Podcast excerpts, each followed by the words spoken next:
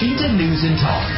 Partai Amanat Nasional akan menggelar rakernas di Hotel Padma, Kota Semarang pada tanggal 25 sampai 27 Februari 2023 mendatang.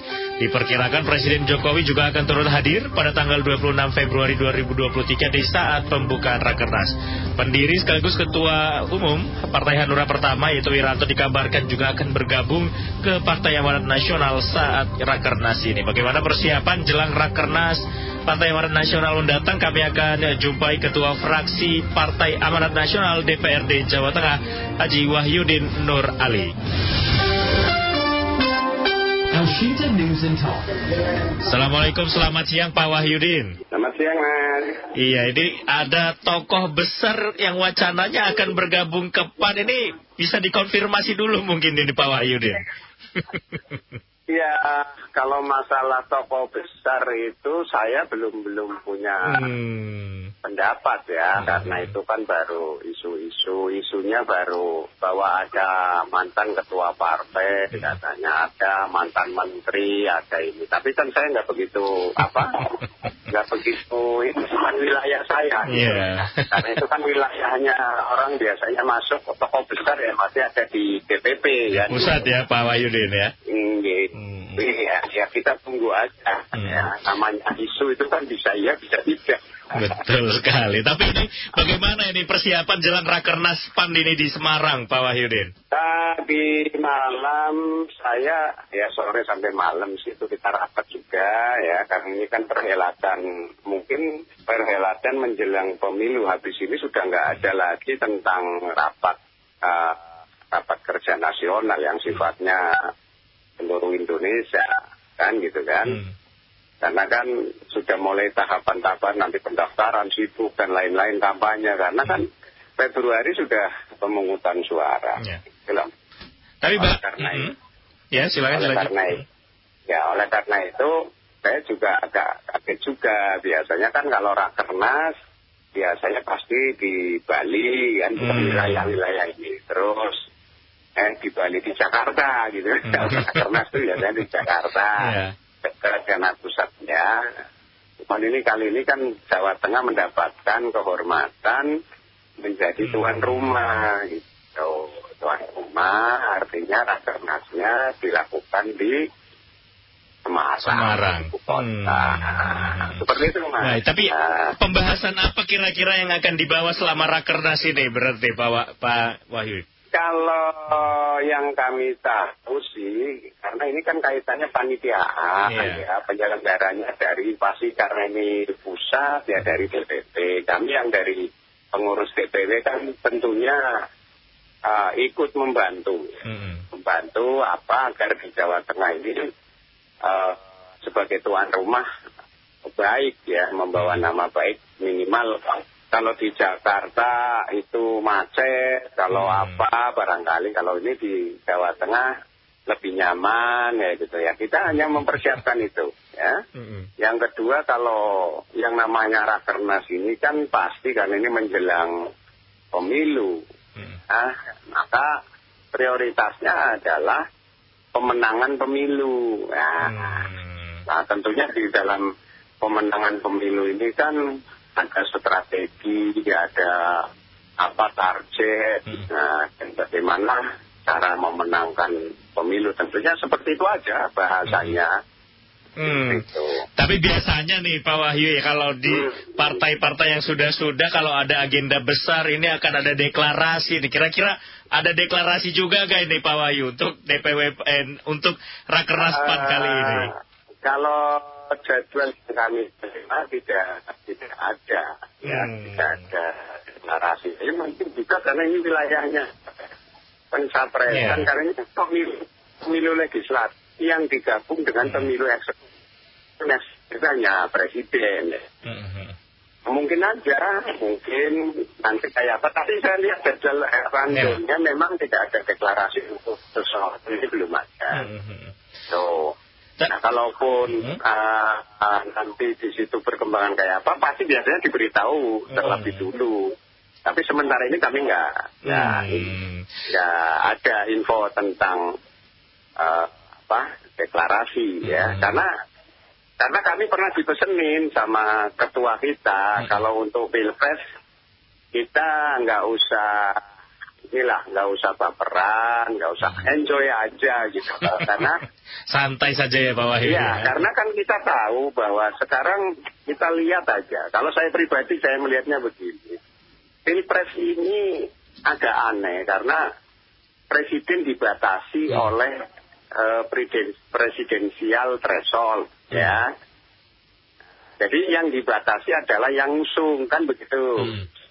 Sedangkan kalau menurut saya yang dibatasi mestinya kemampuannya kan gitu. Hmm. Ini memimpin negara Indonesia yang kemampuannya mestinya harus cukup, Nah, harus mampu, Hmm. ah, kapabilitasnya terutama. Hmm. Tapi ini kan sekarang ributnya jadi apa dibatasinya malah di eh, mengusung kan gitu Mas. Hmm. Nah, presidensial ini kalau kita lihat kan sudah kita apa sudah disahkan artinya bahwa siapa pun presidennya wajib dicalonkan oleh partai atau gabungan partai yang mendapat suara 20 persen Hmm. kursi. Nah kalau sudah 20 persen ini kan berarti yang berhak sekarang kalau berhak ngomong rame-rame itu kan PDIP kan. Hmm. Nah, karena dia udah sudah punya tiket partai. Nah yang kedua kan ini ini mestinya kan partai-partai kan lagi ber, bernegosiasi Iya. nih ya agar bisa mencapai 20 persen kan gitu. Nah, Hmm. kalau sudah 20 persen barulah muncul calon, Hmm. kan begitu. Nah. Tetapi calon menurut saya ini kan kalau bicara demi bangsa ini kan bicaranya bukan siapa orangnya, bukan apa, tapi persoalan negara ini kira-kira siapa yang sanggup mengatasi persoalan bangsa Hmm. ini kan gitu kan. Hmm. Jadi eh, apa ya? Saya saya kalau mau betul juga apa yang dikatakan ketua kita, ketua saya itu, udah jangan jangan terlalu apa eh, serius mikirin sampai harus bertengkar, Sampai sampai harus berapa. muncul perpecahan di internal begitu ya. Pak Wahyu, ya, karena karena kan kita tahu, nah sejarah pilpres kita itu kan kadang berubah-ubah. Hanya 15 menit sebelum pencalonan aja kan bisa berubah, kan begitu mas. Iya. Nah, dia contohkan memang betul. Dulu kita ribut-ribut siapa sih calon presiden, siapa sih wakilnya. Dulu Pak Jokowi dengan Mahfud MP yang begitu ramenya kan gitu, dada sampai Pak Mahfud sudah bikin apa? Bikin pakaian kan gitu kan. Hmm. Sudah ngukur baju, tiba-tiba 15 menit juga ganti orang kan Ya, gitu. betul. Nah, ya ini kalau kita sekarang semuanya serius tiba-tiba di atasnya itu ternyata sudah punya apa? Sudah punya kesepakatan sendiri-sendiri ya kita ya di bawah mau apa kan? Jadi santai aja kalau menurut saya sih pilpres ini kita nikmati sebagai apa ya? Sebagai arena demokrasi yang tentunya kita berharap siapa pun presidennya itu mampu menyelesaikan persoalan bangsa, bukan menang, bukan masalah menang kalah gitu. Tapi presidennya itu bisa menyelesaikan persoalan bangsa itu. Hmm. Gitu, Mas.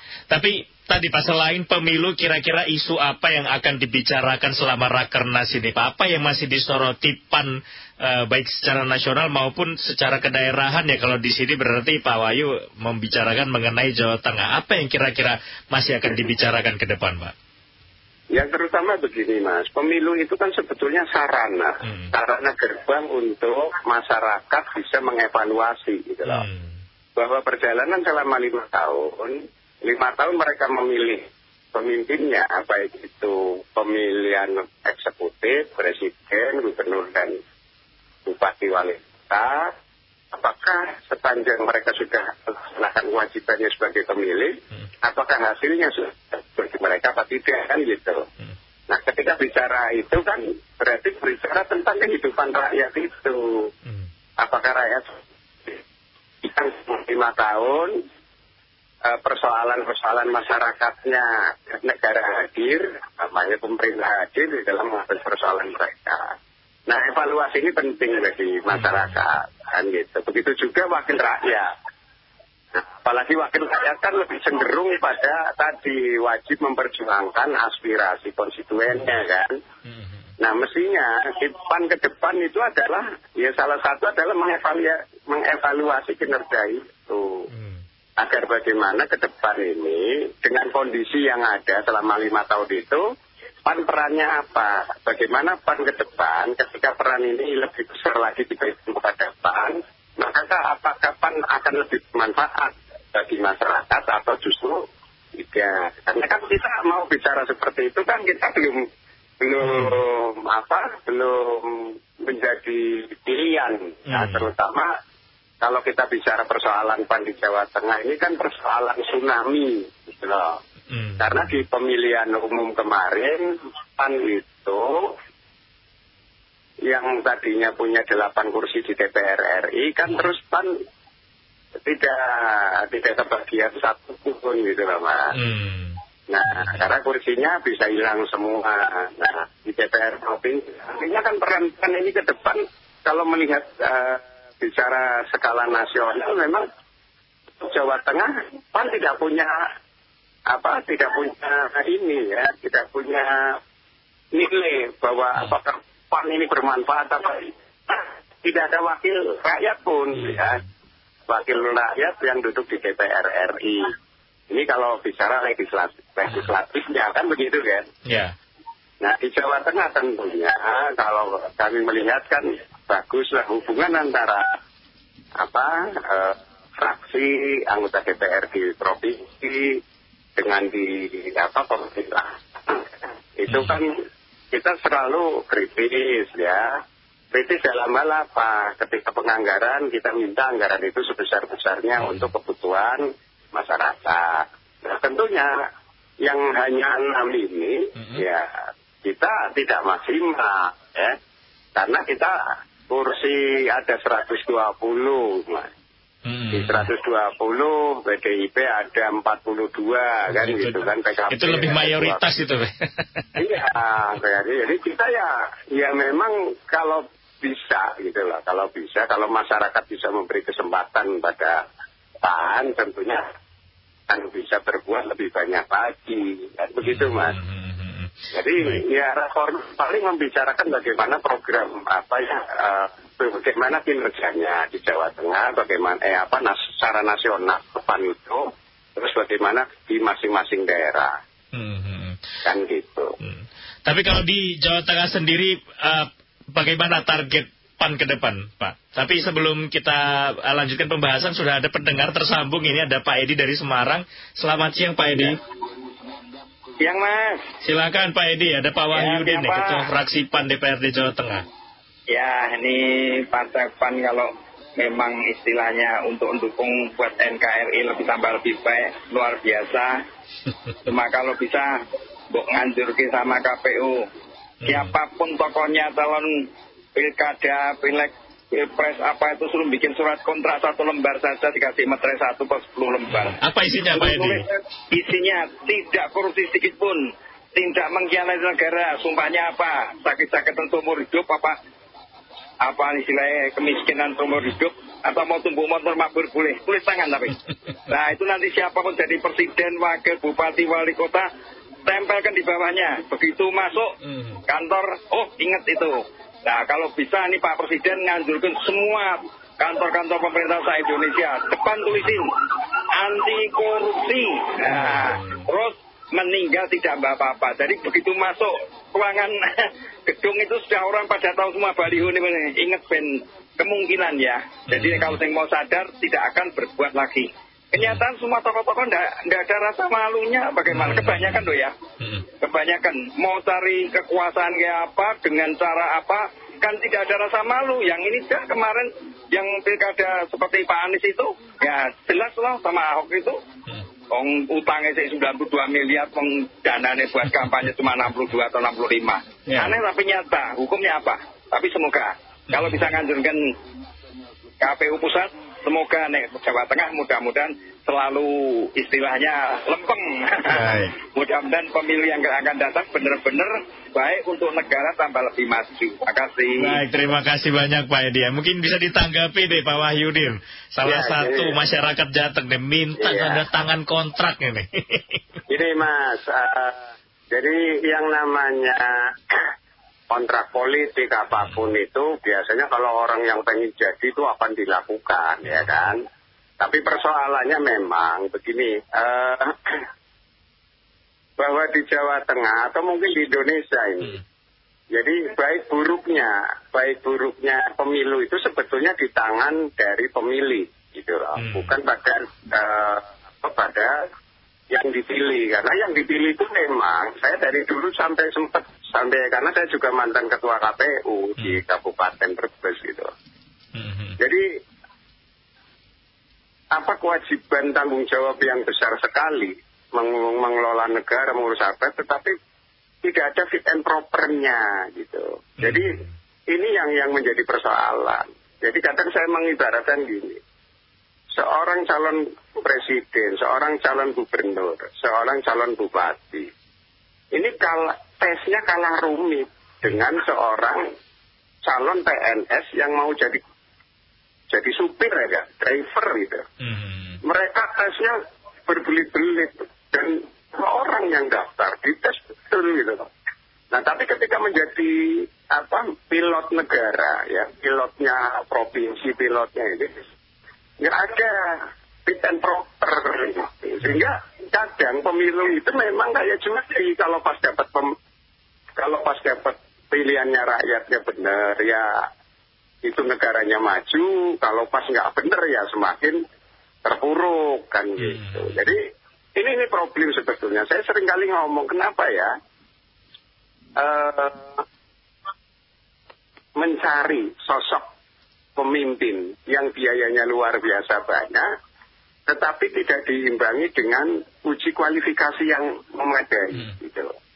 Akhirnya ini kan diserahkan kepada masyarakat. Gitu loh. Nah masyarakat inilah yang menentukan. Sekarang masyarakat ini kan menjadi penentu siapa yang mau dipilih, boleh aja siapa mau. Nyatanya kan sekarang, kalau kita lihat loh mas, kita lihat. Banyak apa ya pelaku-pelaku korupsi juga masih disenangi gitu. Jadi ka- kalau kita lihat itu kalau bicara korupsi itu orang-orang pemilih di sini tuh nggak ngelihat apakah itu koruptor atau tidak atau keluarganya itu juga tersangkut apa tidak. Iya. Ya AB gitu loh. Jadi mereka sebetulnya ini diserahkan penuh 100% bagi pemilih pemilu itu. Mau apa? Yang penting jangan kayak milih duren gitu loh. Kalau milih duren, durennya jelek, yang disalahin duren gitu kan nggak bisa. Ya kan kalau kita milih duren, durennya nggak manis ya yang disalahinnya yang milih kan begitu. Mhm. Tapi ini memang harus harus ada pendidikan politik yang cukup dengan kondisi aturan yang seperti tadi, aturannya terlalu longgar, maka pemahaman uh, pemilih itu penting agar bagaimana tidak salah pilih.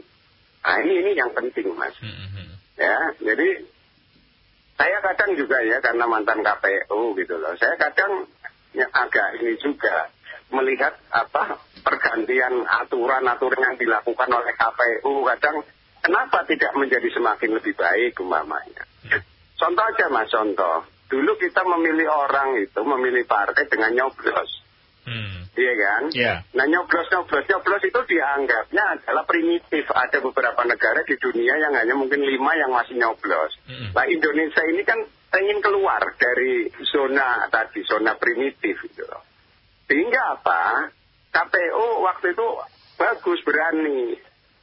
Pilihannya bukan lagi pada mencoblos, tetapi Mhm. mencontreng.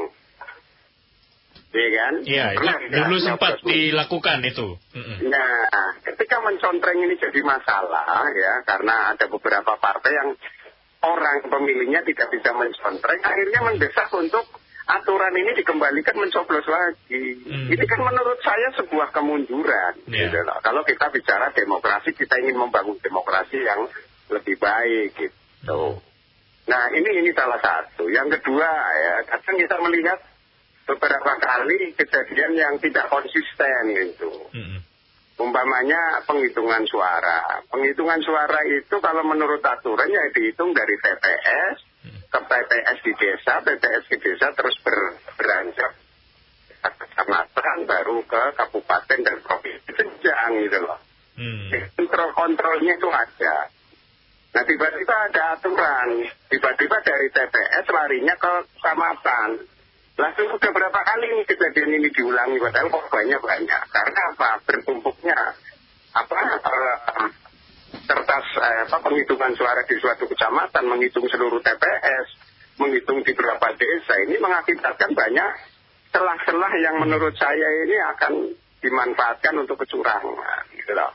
Nah mestinya ini dihindari lagi. Pem- Pemilu tahun 2019 itu korbannya banyak. Ini kan mengulang pemilu tahun 2009, di mana tahun 2009 juga korbannya banyak. Karena penghitungan suaranya dari TPS lari ke TPK gitu loh mas. Hmm. Gitu. Ini, ini, ini catatan-catatan yang eh, tidak hanya nanti memilih siapa, tapi Hmm. nah, penyelenggara tahu pasti bagaimana keputusan mereka gitu loh. Hmm. Ini, Baik. ini, ini demokrasi yang mesti harus kita mulai tata lagi agar lebih baik. Itu ya mas? Baik, harapannya PAN bisa mengawal tadi ya Pak aspirasi aspirasi masyarakat khususnya di Jawa Tengah nih kalau DPW PAN Jawa Tengah. Iya. Iya. Iya. Terima Iya, kasih. Pak. Kita berharap lebih besar lagi ada ada kepercayaan sehingga kita lebih banyak berperan gitu mas. Baik. Terima kasih banyak atas kesempatan waktunya Oke. siang hari ini Pak Wahyudin kasih, sehat selalu. Semoga lancar agenda rakernasnya. Assalamualaikum. Waalaikumsalam warahmatullahi wabarakatuh. Demikian mendengar Ketua Fraksi PAN Part DPRD Jawa Tengah Haji Wahyudin Nur Ali. Kasus Semarang News and Talk.